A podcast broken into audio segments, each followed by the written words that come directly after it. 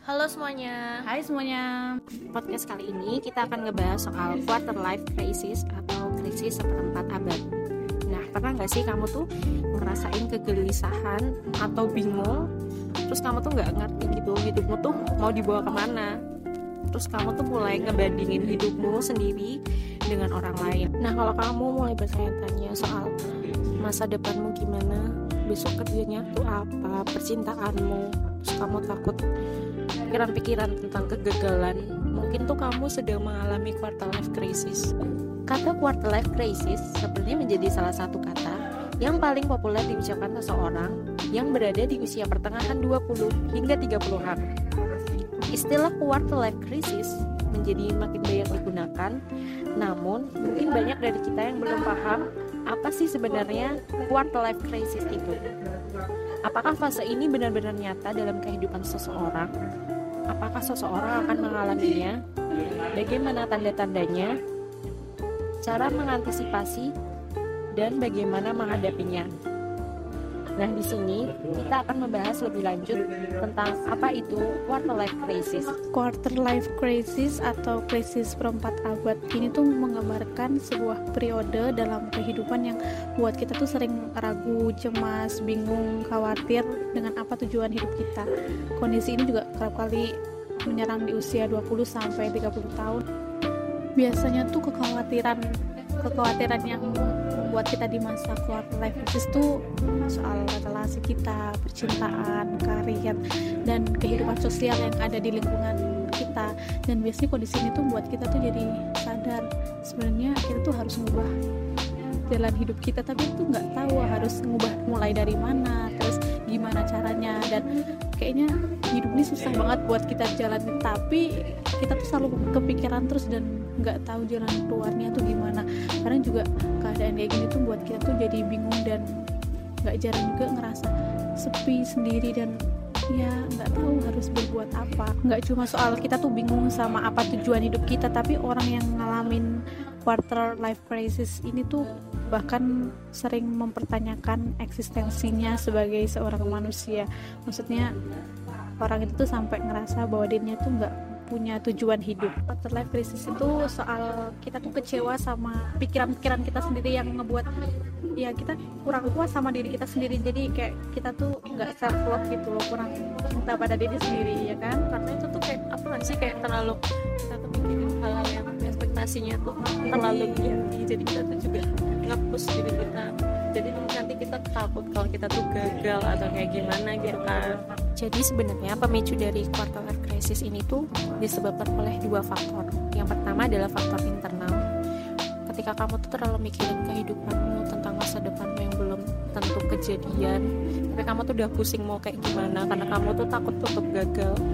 Terus faktor dari eksternalnya sendiri itu tuh bisa dari kayak orang tua yang suka banding-bandingin kamu sama anak tetangga tanda seorang itu mengalami quarter life crisis tuh ada beberapa tanda. Yang pertama tuh kita tuh mulai resah dan merasa tidak bahagia. Jadi biasanya tuh kita tuh sama diri sendiri tuh bilang kok makin ke sini hidup kita tuh makin gak jelas ya banyak yang mesti apa ya di kita bodo amat sama kehidupan tapi kok lama-lama tetap kepikiran gitu loh. Jadi kayak jadi makin overthinking nah, terus habis itu insecure. Ya gitu. Pasti itu pasti dua hal itu.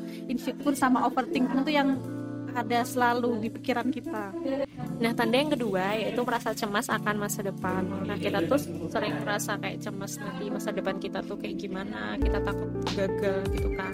Khawatir sama masa depan yang belum tentu kita tuh ya gimana? Kejadian gitu. Nah, betul betul banget maksudnya kita tuh takut tidak sesuai dengan apa yang kita rencanakan karena kita udah resah dulu dan kita udah berekspektasi nih masa depan kita tuh bakal udah ditata sedemikian rupa bakal kayak bagus bagus bagus gitu. Tapi kita yang kita jalanin tuh nggak selalu mulus ya nggak sih? Jadi kita takut. Ya takut lah pokoknya dengan masa depan yang belum tentu. Tanda yang ketiga adalah minder dan merasa tersisih. Nah saat tadi kita udah merasa kecewa udah merasa resah soal masa depan kita kan. Nah terus kita tuh ngeliat teman-teman kita yang udah kayak ngerasa berhasil sama pencapaiannya mereka terus kita tuh jadi makin minder terus tersisih gitu nggak sih? Ya makin berkecil hati sama apa yang belum kita lakuin. Oh kok kita ini tuh padahal teman-teman yang lain udah bisa berhasil lah. Pokoknya makin kecil hati minder jadi ngerasa kesepian lagi makin ngerasa down gitu sih? makin down bener banget. Nah yang keempat itu kita tidak merasa puas dengan pencapaian diri sendiri. Jadi karena kita udah minder sama hal-hal yang kita lihat di sekeliling kita orang-orang sukses orang-orang berhasil. Terus setiap hal yang kita lakuin kita ngerasa nggak puas dan maksimal dengan apa yang kita lakuin.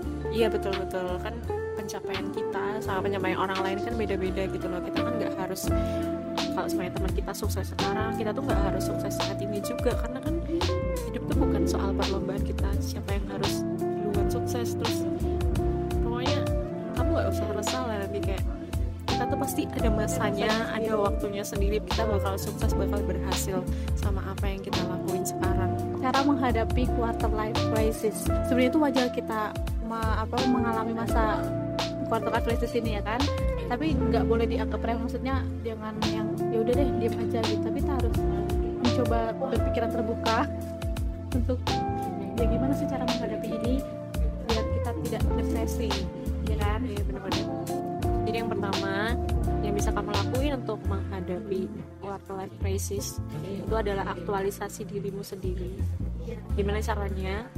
Kamu tuh bisa ngelakuin dari hal-hal yang positif, dari hal-hal kecil aja. Misalnya kamu olahraga, kamu ngelakuin apa yang mungkin kamu senengin di olahraga, kamu bikin konten, kamu bisa jualan online, terus pokoknya ngelakuin yang nyenengin gitu buat kamu.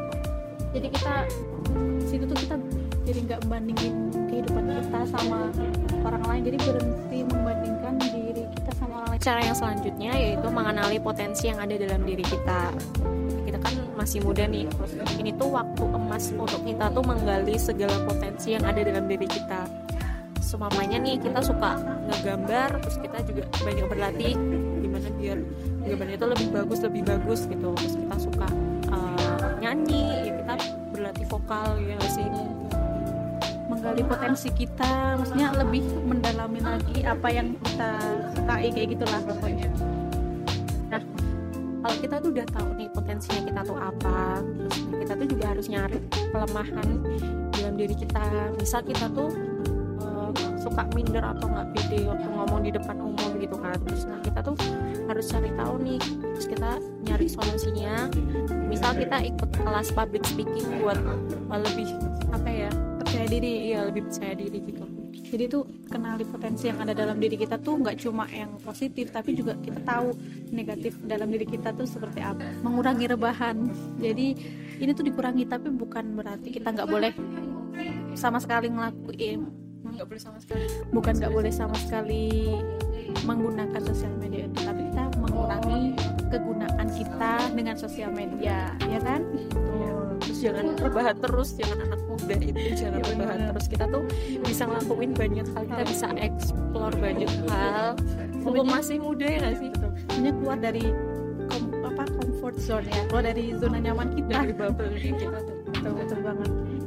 Yang selanjutnya karena kita kan udah tahu nih potensinya kita apa kita menggali kan tadi potensinya kita. Terus selanjutnya yang bisa kamu lakuin adalah setelah tahu kamu harus belajar belajar dan belajar terus Belajar. untuk ngelakuin itu biar kamu tuh semakin ahli semakin paham gitu loh sama apa yang kamu lakuin. Ya sih? Iya, jadi kayak masa depannya tuh ya kita dikit-dikit menata masa depan yang realistis dengan apa yang kita bisa sekarang. Jadi nggak banyak mikirin hal-hal yang nggak realistis. Belajar di sini tuh kita juga belajar dari segala hal apa pun yang positif. Hal bisa dari mana aja bisa dari siapa aja apa pun itu hal-hal yang pokoknya yang buat pikiran kita positif jalan hidup kita positif gitu aja. Dan yang terakhir yaitu self love. Cintai diri kamu sendiri Betul. karena nggak ada yang nyintain kamu kecuali kamu sendiri. Betul. jadi kayak ya kita harus berusaha cinta bangga sama diri kita sendiri. Apa pun itu betul banget. Apa pun yang dilakuin kamu harus bangga sama dirimu. Ya betul. Oke, sampai di sini dulu podcast kita tentang quarter life crisis. Semoga bermanfaat untuk teman-teman yang mendengarkan. sampai bertemu lagi di podcast podcast kita